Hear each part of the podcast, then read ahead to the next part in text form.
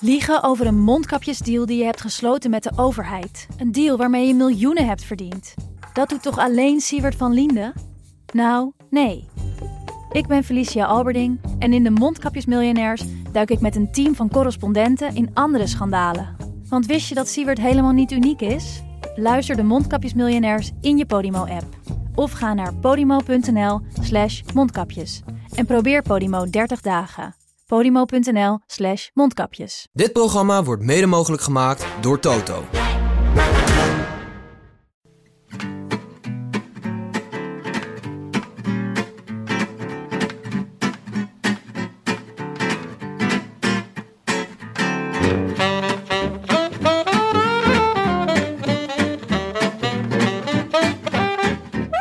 We zijn er weer. We zijn weer terug vanaf onze bank in Amsterdam-West. Op het hoogtepunt van het voorseizoen bij Vlaanderen's mooiste. Het is zondag 2 april 2017 en dit is de Rode Lantaarn. De wielerpodcast van Het is Koers.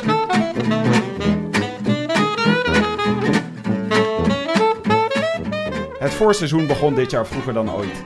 Al tijdens de diepe winterdagen van januari zaten we ons te verheugen op de voorjaarsklassiekers. Vandaag was, zeker voor onze onderburen in België, de belangrijkste dag van het jaar, de Ronde van Vlaanderen. Er werd 260 kilometer gekoerst. Het ging over kasseien, er werd gevallen, er was materiaalpech. Het was, kort gezegd, een gedoetje. En uit de pijnhopen kwam een glansrijke winnaar tevoorschijn. Wat zat hij prachtig op zijn fiets vandaag? Philippe Gilbert. Ladies and gentlemen, Philippe Gilbert, the winner of the Ronde van Vlaanderen 2017, and in some style. One of the most aggressive, enjoyable, and dramatic races in the history of this race in recent years. Gilbert! I wish I could be in the south of France. In the south of France, sitting right next to you. We doen dit jaar het voorseizoen, Willem. Wat was het een, eh, een vreselijk lange winter, Tim. Zonder fietsen. Ja, kijk je uit naar het nieuwe, naar het nieuwe seizoen? Ja, nou, we zijn gelukkig al een tijdje bezig. Maar ik, kan, eh, ik, kan altijd wel, ik heb altijd wel de datum waarop Milaan Sanremo eh begint.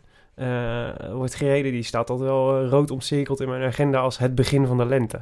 En als dan Vlaanderen, Vlaanderen volgt, dan is, het, dan is het echt begonnen. En je zag het vandaag al. Prachtig weer was het. Man, opluchting Vanaf dat nu we gewoon weer binnen alles kunnen gaan zitten. Ja, precies. Gordijn, het is prachtig weer buiten, dus gordijnen dicht en eh, tv aan. Ik ben toch, eh, ja, ik ben, eh, ik hou altijd zo van het voorseizoen, omdat dan de lente eraan komt. Maar ik ben toch meer van de etappekoers hoor, Willem. Uiteindelijk. Als ik er eentje moet meenemen naar een onbewoond eiland, dan zou ik de etappekoersen meenemen. Jij? Jij, jij ziet alweer uit naar de Tour de France voor komend, eh, komende zomer. Ja, de Tour de France natuurlijk vanwege de Rode Lantaarn. Maar Ja. dit jaar ook de Giro. Ja, Met alle Nederlanders die daar eh, voor het klassement gaan. zeker iets om naar uit te kijken. Maar ik moet zeggen, ik, ben, eh, ik, hou, ik hou zielsveel van de klassiekers. Ik vind dat echt, de, de- zeker deze weken, dat je zo achter elkaar eerst de Ronde van Vlaanderen krijgt. En dan Parijs-Roubaix en dan de Amstel Gold Race en dan nog luik bastenaken luik als toetje. Het is echt, het is echt smullen, echt smullen. Ik kan Wat er is- echt heel gelukkig van worden. Ik denk, ehm, ik, ik vind de Amstel Gold Race stiekem de minste. Dat is wel Hmm. dat is voor mij niet heel chauvinistisch voor mij. Ehm, denk ik Parijs-Roubaix, toch? Wet. Ja, ik vind het heel mooi, die, nou ja, die kasseistroken. Zeker als, er, zeg maar, als het heel droog is en het is stoffig en zo. En dat, die finish in, het, in, het, eh, in, de, in de velodroom, die vind ik ook echt... Dat vind ik, word ik altijd echt zielsgelukkig van. Dus dat zijn, ik denk dat ik dat de allermooiste vind van allemaal. Maar het, is- het lijkt wel Die zou ik ook het liefst zelf willen winnen. maar dat is misschien een beetje Je de ook hoop. nog. Ja, precies. Ja, ik heb, krijg altijd de indruk dat het in blokken is verdeeld. Dan heb je de Vlaamse klassiekers. Echt voor de krachtpatsers en de klassieke specialisten. Ja. Maar dan krijg je ook nog zeg maar een beetje de soort van bergetappes. Ik bedoel, Luik, Bastenaken, Luik en Amstel Gold Race zijn iets meer voor de, voor de klimmers. Mhm. Voor de, voor, het zijn een ander soort renners die daar tevoorschijn komen. Ja. En ik vind dat toch... Ik hou wel meer van dat soort... Van, ik hou meer van de Amstel Gold Race Luik, Bastenaken, Luik renners... ja. dan van de renners van de Vlaamse klassiekers. Nou, dan moet de winnaar van vandaag je heel erg aangesproken hebben, Tim.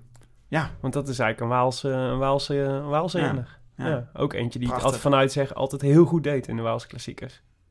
Hij is ook een soort van... Hij ziet er niet eens zo ongelooflijk eh, eh, Gilbert hebben we het over. Ja. Hij ziet er niet eens uit als zo'n enorme krachtpatser. Hij, ziet er, hij draait best wel mooi rond en Ja. hij zit op zijn fiets. En, Ja. ja. Ja, hij is wel, volgens mij is hij wel slanker geworden hoor, in de afgelopen jaren. Ik kan me herinneren dat hij wat meer, dat hij meer eh, gebufft was als meer een sprinter, zeg maar. Maar hij- ja, hij is als, eh, hij, bedoel, hij trok even zijn shirtje uit aan het einde van de koers. Ik dacht, dat is wel echt een eh, godvergeten mooi sportlijf heeft die man. Oké, maar voordat we daarover praten. Voordat we wegzwijmelen bij, de, bij het mooie wielerlijf van Philippe Gilbert. Zo meteen meer eh, Hij begon over soft erotische reflectie op het lichaam Ik van Philippe Gilbert. Helemaal aan het begin van zijn carrière was het best wel een beetje, een, eh, beetje zo'n... eh, een beetje ordinair mannetje. Had ze van die geblondeerde stekels en zo. Ik dacht Ja. echt... En zo'n, zo'n heel vies oorbelletje had hij altijd in. Het was Ja. altijd, ik was, dan was, het was echt een waal destijds. Maar het is echt een, het is een wereldburger geworden. Ja, waar we Woont ook in Monaco en zo. Ja, maar dat doen ze allemaal. Ze wonen tussen aanhalingstekens in maar Monaco. ook, in zijn, ook mentaal is het een wereldburger geworden, Philippe. Tom Dus- Bonen, die de soort tegenovergestelde van Philippe Gilbert is. Want die draagt van die, van die zijde sjaaltjes en zo. Buiten, buiten, de koers. Ja. Die, eh, die, woonde in, eh, die woonde ook in Monaco heel lang. Maar eh, die bracht te veel tijd door in België. Van de, vond de Belgische Belastingdienst. Toen moest hij ineens heel veel Moest hij belasting alsnog betalen. Ja. God, arme Tom.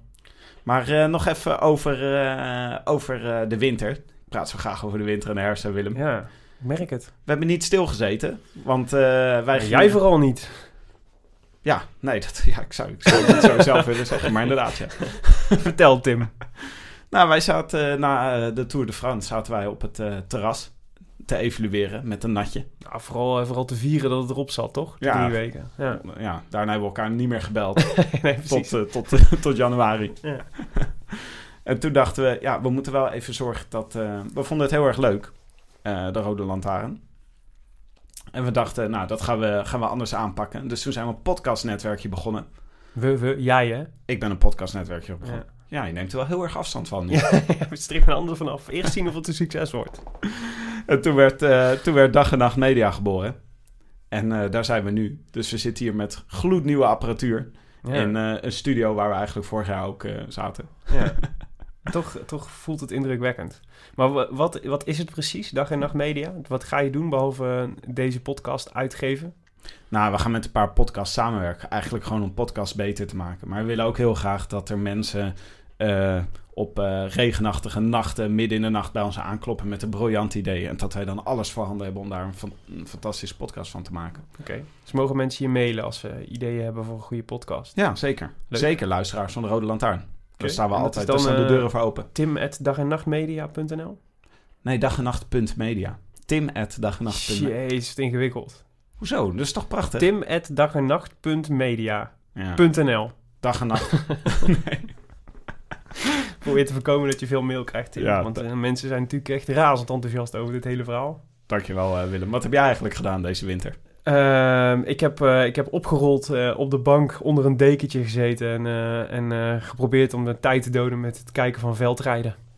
De super prestige in uh, Sint-Michels-Gestel. Ja, is dat wat jij de winter doet? Veldrijden Vind ik kijken? wel heel leuk, ja, veldrijden. Ja, dus kan ik zeer, kan ik zeer eh, waarderen. En eh, het is wel echt een, surrogaat voor, eh, voor wegwielrennen, moet ik zeggen. Dus het is echt, ik, doe, ik kijk het omdat, omdat er geen wegwielrennen is. Dus op het moment dat er dan zeg maar de, de eerste Tour Down Under of de Ronde van Oman weer is, dan, dan, wil, ik, eh, dan wil ik weer weg uit de modder. Zet Onmiddellijk. weg voor de, voor, de, voor de Tour van de Omaans heb je weg van het veld, eh, veldrijden. Ja, Ja. ja, ik, ja, ik vind wel, ik, het is wel echt leuk. En het is zeker, ik vind het ook leuk nu, het is- we hebben natuurlijk Mathieu van der Poel, hè. Die, die Ja. is, dat is natuurlijk leuk om naar te kijken. Gewoon een Nederlandse jongen die het echt super goed doet.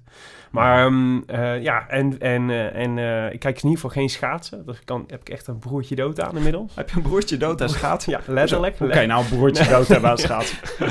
Letterlijk een broertje dood aan schaatsen. Dat is heel hard gevallen. Nee, nee ik... ehm, Een wak nee, ik vind gereden. het gewoon... Ik vroeger keek ik dat heel graag schaatsen. Maar ik vind het zo, zo belachelijk saai geworden inmiddels. Ik, Ja. ik kan er niks meer mee. Dus nee, nee veldrijden en, eh, en eh, Netflix. Tim, Netflix. Ken je Ja. dat?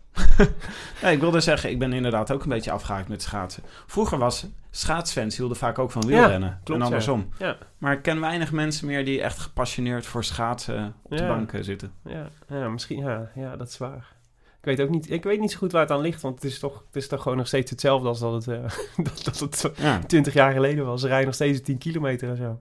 Ja. Ja, nou goed. Maar misschien is dat wel het probleem. Terug naar de koers, Tim. Ja. En zoals eh, goed gebruik bij de Rode Lantaarn... kan een goede wielerkoers natuurlijk niet zonder een goed natje. Een natje. Ja, jij kwam aan met een biertje. Toen zei je, Tim, ik heb iets heel speciaals meegenomen. En toen zei je, we moeten ze wel vandaag opdrinken. Het is bijna niet meer goed. De houdbaarheid is, eh, is nakende. Nee, dat klopt, ja. Ik heb een, eh, een zondagbiertje heb ik meegenomen. Dat is een bier wat speciaal gebrouwen is... ter gelegenheid van het 800-jarig jubileum van Dominicanen. En de Dominicanen is een kloosterorde, dus het is een kloosterbiertje. Hebben ze dat in het klooster gemaakt? Nee, het is gebrouwen in Stadsbrouwerij De Hemel in Nijmegen. Mooi, hè? Oh, ja, een biertje eh, van, eh, van, eh, van, van broeders en zusters Dominicanen gebrouwen in De Hemel. Schitterend. Ja, dus ehm, Willem? nou, we schenken er maar in, hè? Proost. Op naar de koers. Juist. Oké, de Ronde van Vlaanderen. Wat kunnen we erover vertellen? Het zijn er al honderd geweest, dus we kunnen er heel veel over vertellen. Dit was de 101ste aflevering van de Ronde van Vlaanderen. Eh, wat de hoogmis is natuurlijk van het Vlaamse wielrennen. Eigenlijk alle dagkoersen die eh, in, eh, op Vlaams grondgebied zijn, worden verreden... in, de, in de afgelopen weken van de, van de E3-prijs tot de... eh, tot eh, Gent-Wevelgem, tot zelfs de omloop... zijn eigenlijk allemaal soort voorprogramma's van, eh, van de Ronde van Vlaanderen. Dus iedere i- iedere Flandrien, zoals, zoals de, de, de Vlaamse wielrenners worden genoemd, ehm, die heeft dit, als, heeft dit omcirkeld in zijn agenda. Als dit, hier moet je goed zijn. Ehm, hij was uh, startte vandaag in Antwerpen, niet in Brugge, zoals eigenlijk normaal. Dus het was een, ja, ze hebben de, start, de startlocatie veranderd. En de muur van Gerardsbergen was terug. En de muur van Gerardsbergen is, een, eh, is, ja, is een, eigenlijk een klassieke scherprechter in, eh, in, de- in de ronde geweest altijd. is de muur, hè, Willem? Het Ja, is... Iedereen was ook heel boos dat hij, eh, dat hij eruit gehaald werd. Dus het, was eigenlijk, het is eigenlijk een soort rechtzetten van een oude, van een grove fout. Maar het is Ja. ook echt een soort muur. Je moet, het is echt Ja. alsof je via de buitenkant van je huis naar je slaapkamer moet fietsen. ja, precies. En ik weet niet of je dat wel eens geprobeerd hebt. Ik wel. Een hele dronken avond. En dat is niet makkelijk.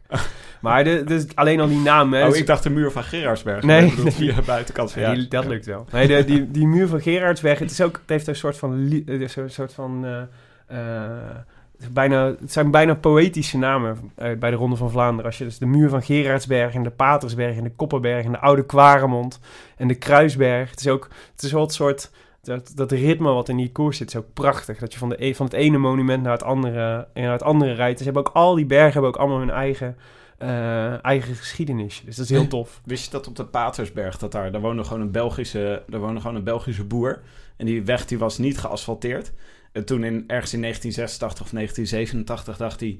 Ik zou het super leuk vinden als de Ronde van Vlaanderen hier voorbij komt. Toen heeft hij kinderkopjes neergelegd. Kasseien, zodat er een kasseienstrook langs de boerderij ging. Wat een goed idee. En nou gingen ze er drie keer overheen vandaag. Misschien moeten we dat hier ook doen, Tim. Dan eh maken we Ja. ook nog kans. Ka- Ja, het lijkt er wel een soort van op hier buiten. Maar de, dus, dus de, de Ronde van Vlaanderen is dus een van de, laatste, van de vijf grote monumenten van het klassieke wielrennen. Dus eh, we beginnen het elk voorjaar met de Milaan-San Remo, dan eh, de Ronde van Vlaanderen, Parijs-Roubaix, Amstel Gold Race, Luik, Bastenaken, Luik. 260 kilometer, dus echt een tering-eind fietsen. Het zeg maar, dus echt, echt eh, de, de 200 kilometer grens is altijd legendarisch voor wielrenners. Dus je hebt zeg maar wielrenners die heel goed zijn, maar die, nooit, die niet, eigenlijk niet een koers van langer dan 200 kilometer aankunnen. En meestal zeg maar de, de, de koersen die voor boven de 200 kilometer zijn, daar moet je echt al inhoud voor hebben. Dus het zijn vaak de wat oudere renners die dan, eh, die dan goed worden. Dus je wordt, bent meestal, eh, kom je geen eh, 18-jarige winnaar van de Ronde van Vlaanderen tegen. Daar zijn ze nog te licht voor. Er zijn ook beroemde, beroemde wielrenners die dat, die lange etappes niet, niet, niet trekken, toch? Ja. Ik, ik, het staat me erg bij wie dat waren, maar ik weet niet meer wie. Weet jij nog wie? Geen idee. Laten we het de luisteraars vragen. Ja. Een kijkersvraag. Eh, de laatste Vlaamse winnaar was Tom Bonen. Die vandaag zijn laatste, ook zijn laatste ronde van Vlaanderen reed. Eh, weet je nog wanneer die won? Eh, was hij niet in 2012? 2012, heel goed. Weet je ook nog wie de laatste Nederlandse winnaar was? Adrie van der Poel? Adrie van der Poel. Ja. Ja. Wat zal het zijn? 84 of zo? 85? Weet niet. 18, Ik 1885. weet niet, toen was ik vijf of zes, man. Dat is echt dat is veel te lang geleden. Ja. Terpstra was er, eh, was er eh, twee jaar geleden dichtbij. Hè? Toen verloor hij de sprint van Christophe. Wat, eh, wat natuurlijk niet zo heel verrassend is, omdat Christophe een supergoeie sprinter was. Maar die was, ja, die was heel dichtbij. En volgens mij vorig jaar was de beste Nederlander was, Dylan van Baarle. Die werd zesde. Ah ja. En vandaag derde. Weer Nicky Terpstra. Oh ja. Ja, Van Baarle werd vierde. Ja.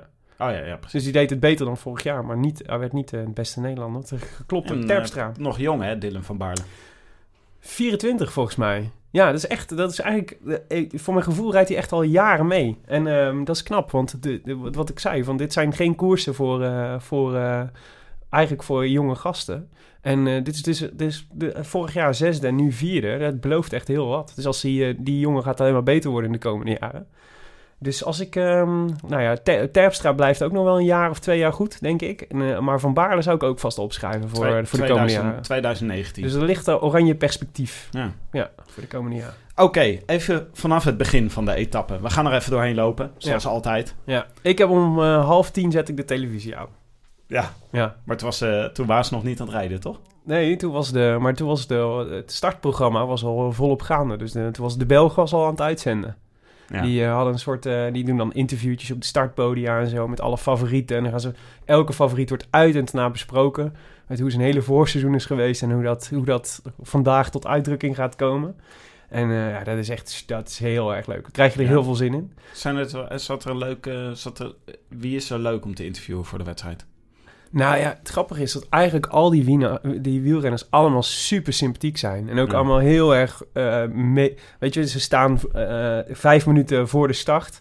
En ze, en ze, die, ze geven gewoon, die zijn gewoon super ontspannen interviews te geven. Ja. En eh, moet je voorstellen dat je voor Ajax Feyenoord vijf minuten van tevoren Botteguin nog, eh, nog, even drie vragen wil stellen. Ik geloof niet dat je dat lukt.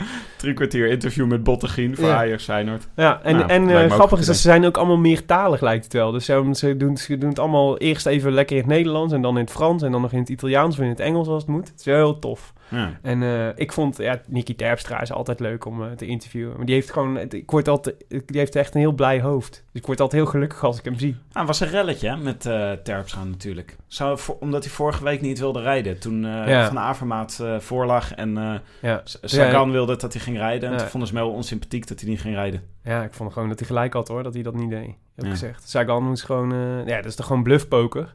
Normaal gesproken dan, dan, dan fold iemand en dan gaat hij alsnog. Maar nu waren ze gewoon allebei, allebei eigenwijs om het niet te doen. Ja, Ja. Maar Terpstra, ik denk dat Terpstra wel een beetje de reputatie heeft als een beetje sluwe, sluwe vos. Ja, ja nee, zeker ook. Vos. Maar dat is toch goed? Dat is toch Ja. iets, dat is, it's a good thing, Tim. Ja, ja jij houdt ervan. Jij hield ook van eh, Mark van Bommel en Nigel de Jong op het middenveld. Dat is wel waar, ja. Ik hou van sierlijke Nicky renners Terpstra is de. Mark van Bommel van het peloton. ik denk, daar moet hij het maar mee doen. Eh, de eerste 150 kilometer, ik haakte eerlijk gezegd pas in om een uur of half twee ben ik begonnen met kijken. Ja, En toen heb ik eerst wel een hele tijd zitten kijken naar een klassieke Tour de, vlakke Tour de France etappe. Met ja een, je was eh, weer helemaal terug in de eerste week van de Tour. eh. Ja. ja. met een kopgroepje voorop, waarvan je, waar je eigenlijk niemand er echt van kent. Nou, hebben ze allemaal gegoogeld, En toch? we hebben ze allemaal gegoogeld. Maar ik zat gewoon heel lang te kijken naar een peloton dat zich gewoon een beetje aan het organiseren was. En niet echt hard reed. Ja, nou, ze, het gekke was, ze reden wel hard. Alleen, eh, alleen eh, er gebeurde niet zoveel. Dus ze hebben wel heel veel energie eh, verspeeld ook, volgens mij, in die eerste helft. Verspeeld. Gewoon, ge- ze hebben veel moeten geven in die eerste, Ah. in die, e- zelfs in die eerste Maar fase. toen al. ik inschakelde, toen ging het helemaal niet hard. Toen Ja, waren maar- ze heen aan het maar kijken. niet, kijk, in de Tour mooi rijden, klooster. ja, maar in de Tour rijden ze af en toe 30 per uur. En hier rijden ze 40 per uur. En dat is wel echt een verschil, hoor. Ja. Ja.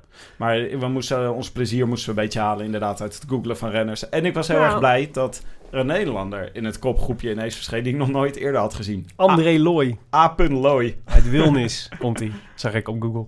Oh ja, Wilnis. ja, klassieke, eh, opgeleid bij de Rabo. Waar ligt Wilnis? Eh, boven Amsterdam. Oh.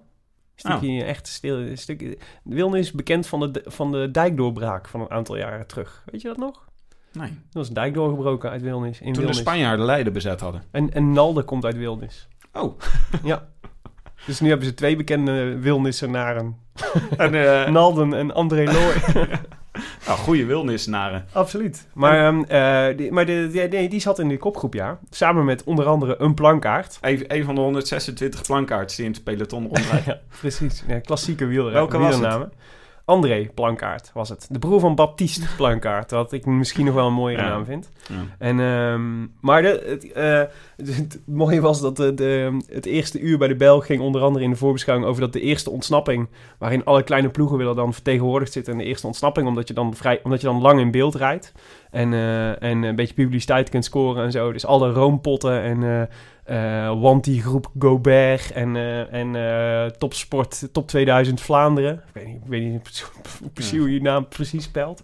Maar die willen daar allemaal bij zitten. En, ehm, en, eh, Ehm, dus waren, ze hadden een heel nummer gemaakt over de eerste ontsnapping. Dat is, die, eh, die mislukt altijd. Dus je gaat er, en deze keer lukte de eerste ontsnap- ontsnapping dus meteen wel. Ja. Dus, eh, Nou ja, het lukte wel in de zin van ze hebben heel lang weggezeten. Nee, ook gewoon. Dus ze het was letterlijk de allereerste ontsnapping. Ja, Dus het, ja. was de, het was de eerste die, die demareerde, die, eh, die vormde een groepje. En die mochten vervolgens 150 kilometer voorop rijden. En normaal gesproken heb je 10, 12 pogingen nodig voordat er een groepje weg mag rijden.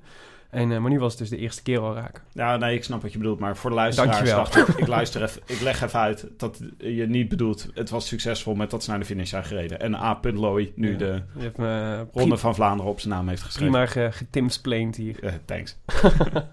Eh, Oké, ja, nou, en, maar na 150 kilometer eh, toen, eh, toen werd, werd ook jij op je, op je wenken bediend. Ja, nou, het was leuk. De terugkeer van de muur. Ja. En dat was ook waar het, eh, waar het eigenlijk, misschien wel het cruciale moment van vandaag, ja. waar Tom Bonen het op zijn heupen kreeg. Ja. En eh, ineens het peloton in tweeën brak. Dus toen kreeg je een, eh, kreeg je een groep. Het was eigenlijk, ik zat eigenlijk nog in een soort van comateuze toestand naar, de, Mhm. naar de etappe te kijken. En ineens zag je, hé, hey, maar hier, dit is een groep. Ik zie ineens renners die ik tot nu toe nog niet echt in beeld heb gezien. Tom Bonen zat erbij, Philippe Gilbert zat erbij, Christophe zat erbij, Sepp van Marken zat erbij. De Mare, ja. De Mare zat erbij, maar wie er niet bij zaten... waren Trentin. de g- grote favorieten. Kijk van Avermaat en eh, Sagan. Ja, ja. En eh, ik weet dus nooit... Ik, wat zou de tactische overweging zijn? Zou het kunnen dat Kijk van Avermaat op zo'n moment... weet je wel, nog 80 kilometer te gaan of zo... voor een, eh, als het niet meer is, 100 kilometer te gaan... Eh, maakt het uit. Kan Van Avermaat ook denken van... nou, eh, andere ploegen rijden het gat wel dicht. Ik gok erop dat dit eh, geen betekenis heeft. Nee. Of zat hij gewoon te slapen? Ja, dat, ehm, nee, het is in ieder geval geen bewustie. Want het is, eh, als je, je weet dat de muur van Gerardsbergen eraan komt... als je weet hoe die muur loopt... die zit, er zit ook een versmalling in. Dus het probleem is als je niet zeg maar, bij de voorste groep hoort... dan gaat het heel erg vertragen. Dus moet je maar voorstellen dat je met een heel grote groep...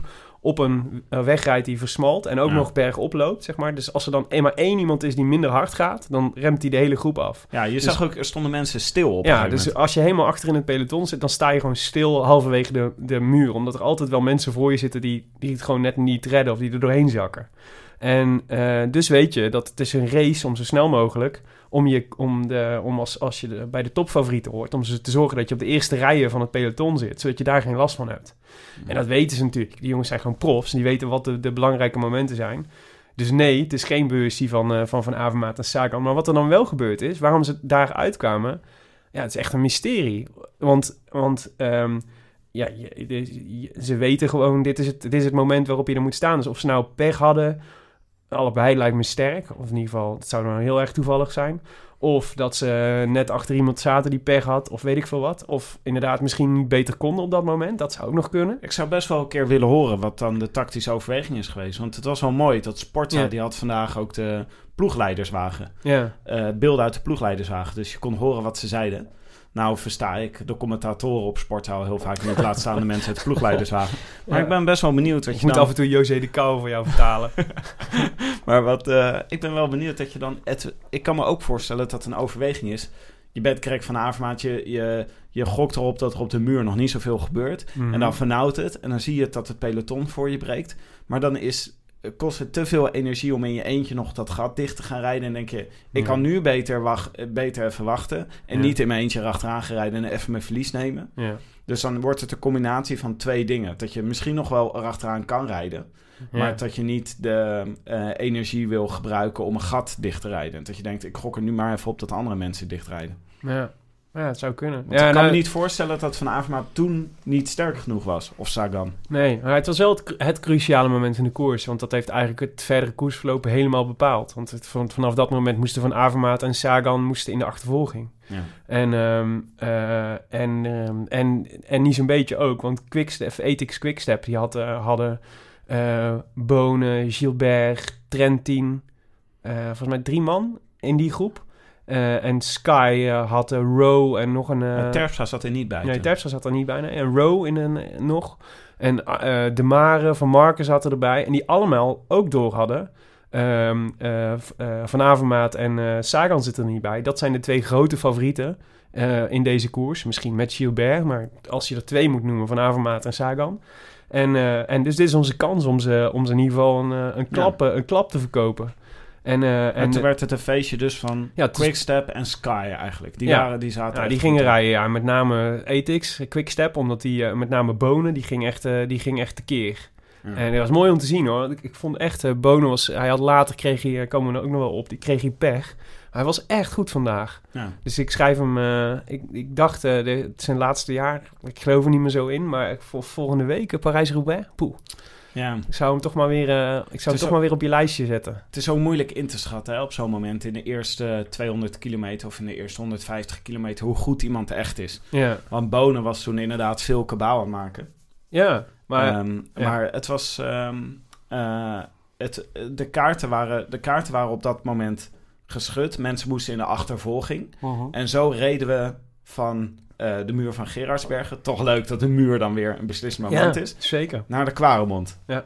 Eh, de weg eh, met de kasseien die, waar, nou ja, waar, waar de ronde vaak op beslist wordt. Mhm.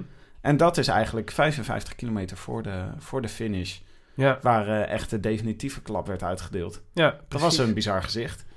Ja, het, was een beetje, het leek een beetje op toeval. Als in, eh, als in eh, Gilbert was gewoon beter dan alle anderen. Ja. Eh, die konden, het- met name van, ja, dus van Marken kon nog even volgen, volgen en daarna niet meer. En die werd voorbij gestoken door Bonen. Bonen ging, ging afstoppen voor, voor, voor Gilbert en Gilbert reed bij ze weg. ja. En hij zei achteraf, Gilbert zei, ik kreeg geen contact met de wagen en, en dus ik wist eigenlijk niet zo goed wat ik moest doen. En toen ben ik maar doorgereden.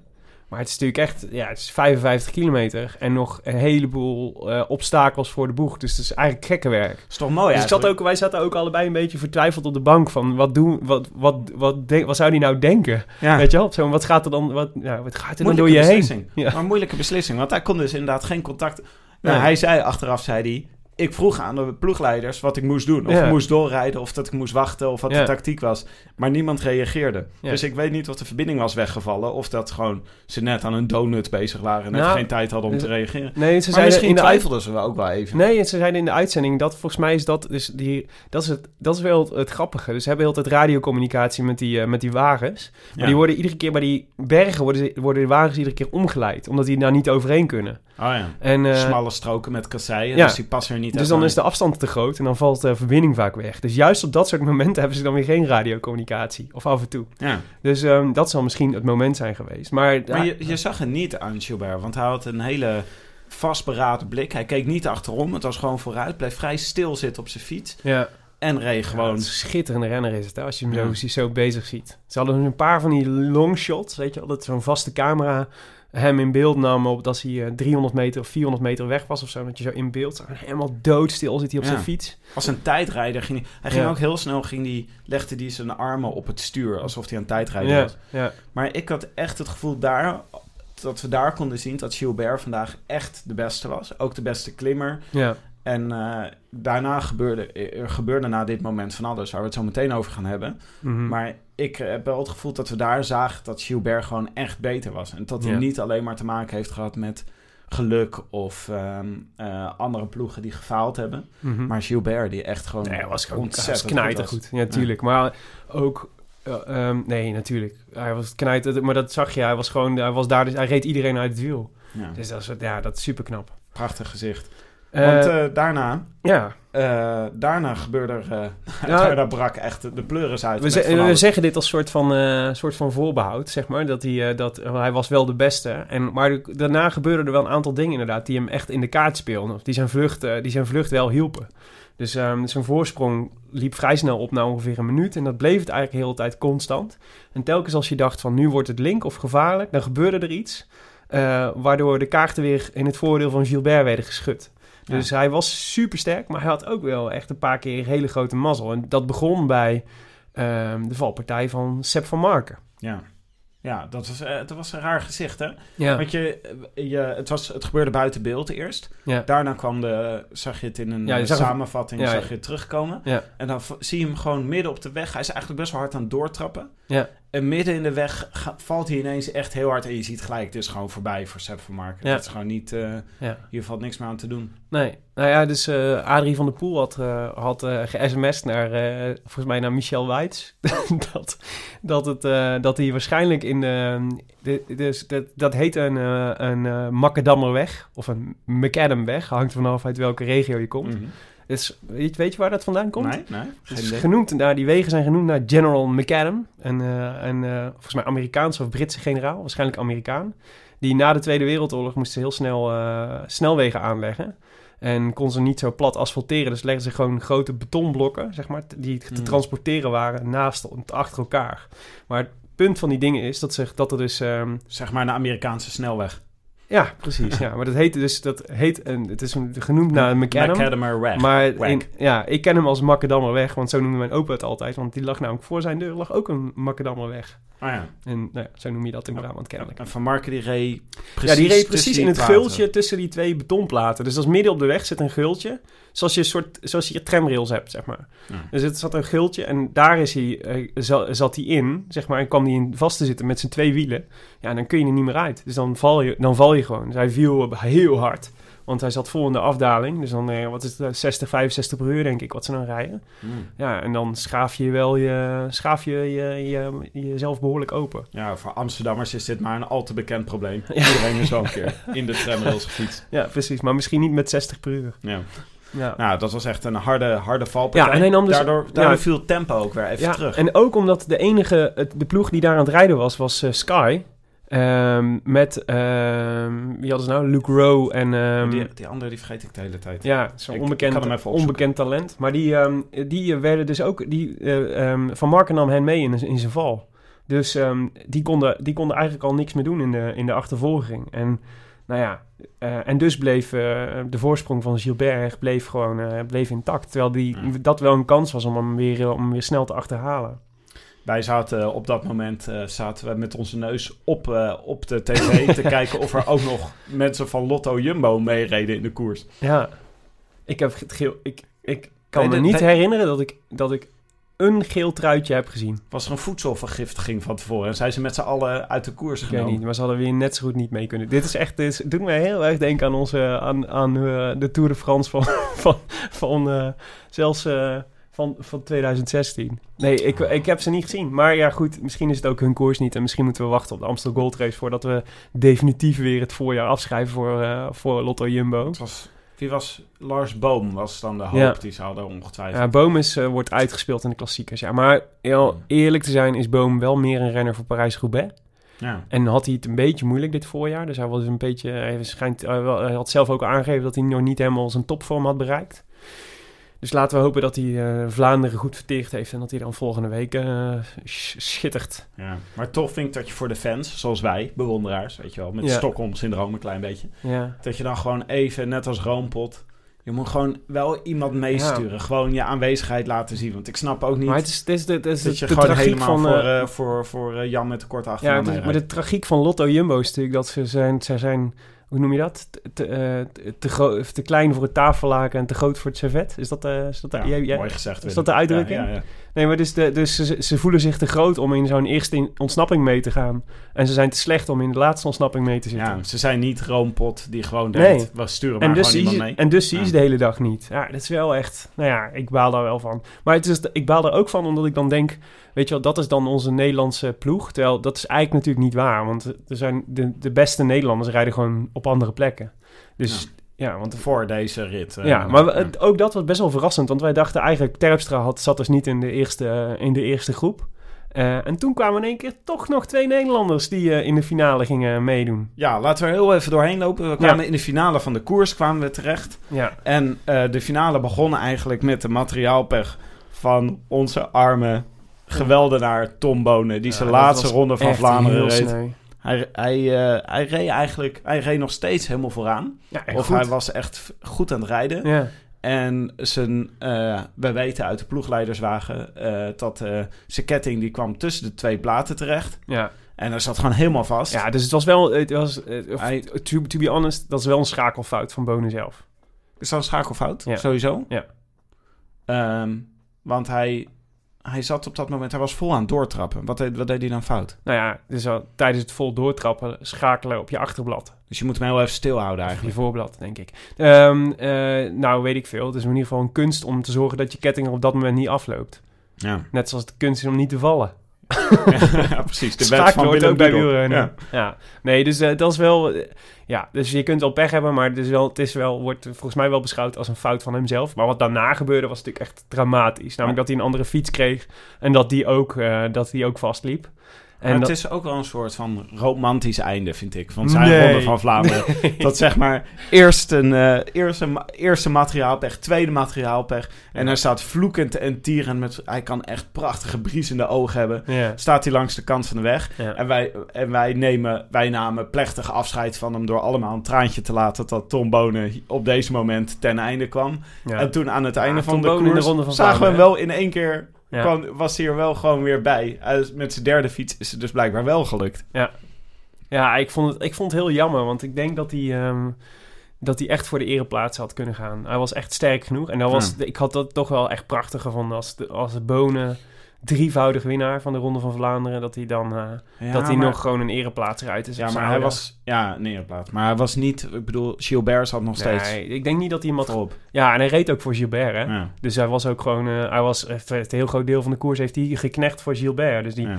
eerste ontsnapping, dat, dat, dat werd door Bonen opgezet om Gilbert in een instelling te brengen. Ik heb een soort... ik hou er echt van als van die renners... die je eigenlijk al in je hoofd hebt opgegeven... ineens er achter in beeld Mhm. verschijnen. Dat je- dat je denkt... Oh, daar is hij. Dan hoor ik ook gelijk muziek, muziek van die A-team hoor ik. Dan zie ik hem ineens weer verschijnen. Ja. Bij wie had je dat nu? Bij Bonen. Oh, oh. Ja, dat hadden het over Tom Bonen. Maar ehm, het gedoe was nog niet voorbij. We hadden dus de valpartij van Sepp van Marken, materiaalpech van Bonen.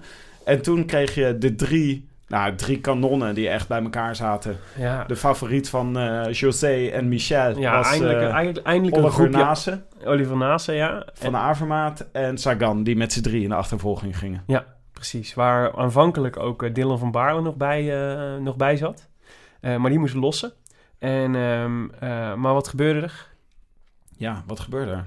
Het was heel raar. We weten nog Ja, steeds de- niet, want we hebben Sagan nog niet Nou- horen, horen praten. Maar Nee, maar als je naar de beelden kijkt, dan is volgens mij is het wel duidelijk wat er gebeurt. Namelijk, Sagan rijdt gewoon het hek in. Ja, En eh, ze, ze rijden daar zo op, het- op het soort, zeg maar, weer zo'n eh, weer zo'n kasseistrook. En daar staan dan van die hekken naast. En je hebt dan één zo'n randje, zo'n rioolrandje, weet je, waar het water langs wordt afgevoerd. Waar ze allemaal in willen rijden, omdat je dan niet over de kasseien rijdt en gewoon op, op vlak rijdt. Maar dat betekent dat je dus net naast die hekken rijdt. Mhm. En dat, dat vereist enorme stuurmanskunst. Nou, wie stuurmanskunst zegt, zegt Peter Sagan. ja. Alleen zelfs Sagan gaat wel eens fout in.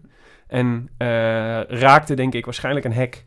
ja. eh, viel en trok eh, Van Avermaat en Nase met zich mee. En Van Avermaat kon snel weer op de fiets stappen. Maar de fiets van, fietsen van Sagan en van Nase waren stuk. Ja. Ehm, en die moesten dus, eh, ja, die hadden pech. Maar het is, het is ook heel hoog spel natuurlijk, hè, wat ze spelen. Dat ze dan zo helemaal aan de zijkant Ja. gaan rijden. En ook al kan Sagan fantastisch sturen... Mhm. ehm, is er nog altijd iemand uit het publiek die even... Een, eh, net te laatste hand terugtrekt voor Ja. een foto. Of. Dat, maakt voor, dat maakt uiteindelijk niet uit. Want je, bent, je, je, je verhoogt gewoon zeg maar, het risico Ja. dat er iets gebeurt. Nee, je kunt beter in het midden rijden. Ja, zwaar. Ja, Ja. dat klopt. Dus dat, dat doet hij zelf. En het is extra zuur natuurlijk voor Van Avermaat en Naast, want die reden erachter en die, die werden meegesleurd in niveau. Ja. Maar wel mooi voor Van Baarle, want die lag plots tweede Ja. in de koers. Toen kregen we een groepje ineens... Nou, er gebeurde, was, de rook was we trokken op van wat Ja. er allemaal gebeurd was. Ja. En Van Avermaat Gilbert eh, leek rustig naar de finish eh, te kunnen rijden. ja. En Ja. het achtervolgende groepje bestond ineens uit Greg van Avermaat, Dylan van eh Baarle-Nassau en, en Nicky Terpstra. Ja, en ja, dus, dus nog e- even terug op eh, die groep was natuurlijk super interessant, omdat dat eigenlijk weer de groep was waarvan je, zou, waarvan je dacht, als naast Sagan en Van Avermaat samen gaan werken, eh, en je ziet dat, dat eh, Gilbert eh, op een minuut rijdt, dat, is nog wel, dat was nog wel dicht te rijden. Ja. Ze zaten toen wat, 30 kilometer voor de finish of zo? Ja. was echt nog wel, dat was echt nog wel, had echt nog wel spannend geworden. Had nou echt nog wel gekund. Eh, maar weer had Gilbert de mazzel dat er achter hem, op het moment dat het leek, nu gaat de, nu gaat de, de achtervolging echt beginnen. En nu komt hij echt onder druk te staan, dat er weer iets gebeurde, een incident, weer een incident gebeurde in de koers. Waardoor hij weer even opgelucht kon ademhalen en zijn voorsprong gewoon een minuut bleef. Nou ja, iemand, ik zag iemand twitteren die zei... Van Avermaat, die, lag, eh, die heeft 30 seconden verloren met die crash. En dat is precies de 30 seconden Ja, die hij uiteindelijk niet goed kon maken op ehm, Gilbert. ja. En je weet dat natuurlijk nooit, want Gilbert die rijdt op een andere manier als iemand vlak achter hem zit Ja, dan natuurlijk. als er nog een gat tussen zit. Ja. Maar ik, het was wel opvallend. het is een dat- mooi gedachte-experiment, Tim. Thanks. Ja, dat maar je zag, eh, je zag wel, nou ja, het is wel. Ik, ik weet niet zo goed wat er anders gebeurd was. Maar je zag wel dat Gilbert die ging steeds scheef op zijn fiets zitten in die laatste 30 Het kilometer. is gewoon kapot natuurlijk. Die was, die was echt gebroken. En ik vond Ja. dat eigenlijk dat eh, Van Avermaat, die, eh, die straalde nog wel kracht uit in de laatste kilometer. Ja, ja. Ik denk, ja, precies. Die was ik, ook, je zag ook in... eh, Dus hij van Avermaat won, dus Gilbert won. Kunnen we nu wel verklappen. en, eh, Hebben we ook in de eerste zin gezegd. ja, op zich wel. Dus, ja, eh, en, ja. En, ehm, en in de sprint daarachter, daar zag, je, daar zag je het ook aan. Hè? Dus Terpstra had eigenlijk niks meer gedaan. Terpstra was er dus bijgekomen. Ja, Dus ontstond een groepje Terpstra, Van Baarle, Nassau en, eh, Ja. en Van Avermaat. mooi gezegd Willem. En ehm, ehm, dit- dus eh, het- Terpstra was erbij gekomen. Eigenlijk verrassend. Dan hadden we in één keer twee Nederlanders die eh, een optie hadden op een podiumplek. Eh Terpstra deed niks omdat Gilbert, zijn ploegmaat, voorop lag. Dus we dachten, nou, Terpstra moet dit, eh, moet dit, eh, moet dit kunnen pakken, die tweede plek. Maar Van Avermaat eh sprintte hem nog uit. Terwijl hij Ja. hardst gewerkt had van allemaal eigenlijk. En ja, dat zegt wel iets over zijn vorm. Dat je na 260 kilometer vol pech en ongemak en gedoe... dat je dan degene bent die in, de laatste 20 kilometer echt de sterkste indruk maakt nog. En, en dus inderdaad dat ook nog bewijst door gewoon even de sprint te winnen. Ja. Weliswaar voor de tweede plaats, maar toch. Ja, nee, maar het was indrukwekkend. Zeker ook. Ik kan me ook voorstellen dat als je gevallen bent, dat er ook een heel groot gedeelte schrik in je benen zit. Ja, Van wat er gebeurd is. En dat dat ook, daar moet je ook van herstellen. ja. Ja dat zou kunnen. Hij, was ook, eh, hij had ook een, eh, zijn, broek was ook stuk, hè. Dus hij was ook hard gevallen volgens mij. Dat is een wondje. Prachtige, prachtige finish werd het uiteindelijk. Want je zag ze zo, nou, het is sowieso een mooi plaatje, de weg waar, Ja. ze, waar ze op finishen. En dan de zon kwam, kwam van achter, dus het was echt een beetje al eh, eh, geel, oranje Ja. avondlicht. En eh Gilbert rijdt op de finish af en die knijpt in de remmen en tilt zijn fiets op. Ja. En loopt als een soort Rocky Balboa, loopt hij over de finish. Ja, Vond je het een mooie, mooie winnaar? Ja, het, een prachtige winnaar. Nee, het, het is die, die, die, die erelijst van, eh, van, eh, van, ehm, eh, van Gilbert is echt, is echt zo ontzettend indrukwekkend. Ik zal hem- Het is een? Waal, hè? Het is geen eh, Vlaming. Of is het een... eh, nee, het is een, het is een eh, waal. Ja, ja. zeker. Ja. Nee, maar dit is dus eh, eh, even heel... Het is een erelijst. Wereldkampioen. eh Luik, Bastenaken, Luik. Twee keer de ronde van Lombardij- Lombardije. Twee keer de omloop het volk. Strades Bianchi. eh, ronde van San Sebastian. eh Amstel Gold Race. Vlaamse... of, eh, ja, de, de eh, Vlaamse pijl. Brabants pijl. eh, sorry, de Waalse pijl. En Parijs Tour.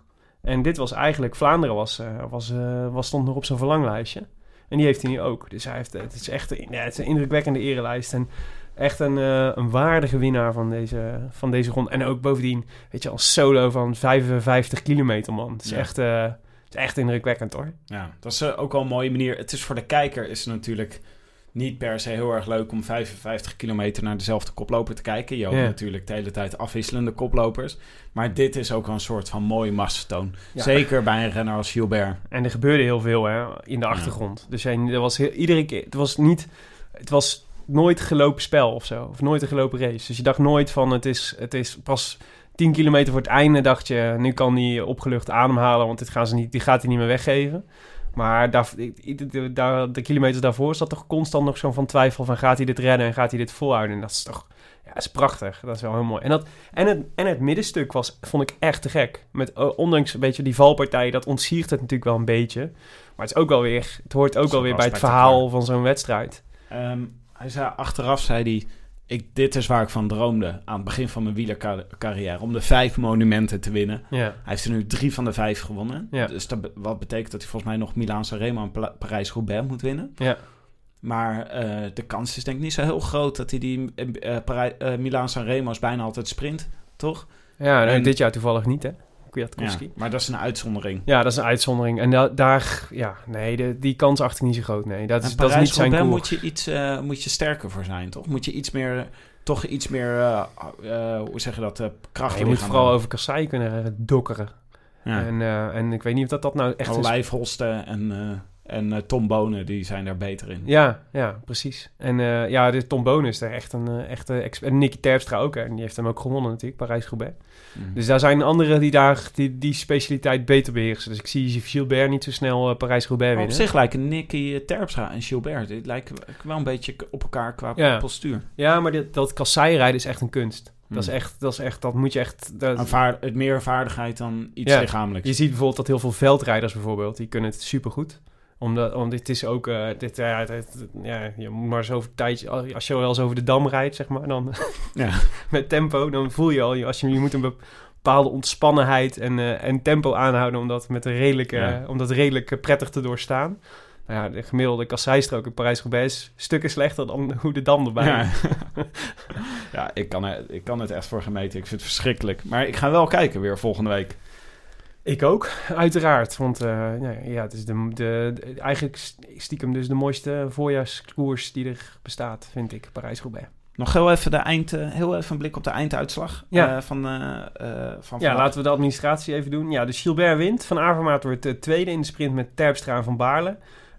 Van Baarle, die, nou ja, is knap. Vorig jaar zesde, nu vierde. Het is echt, echt ja, volgend jaar tweede.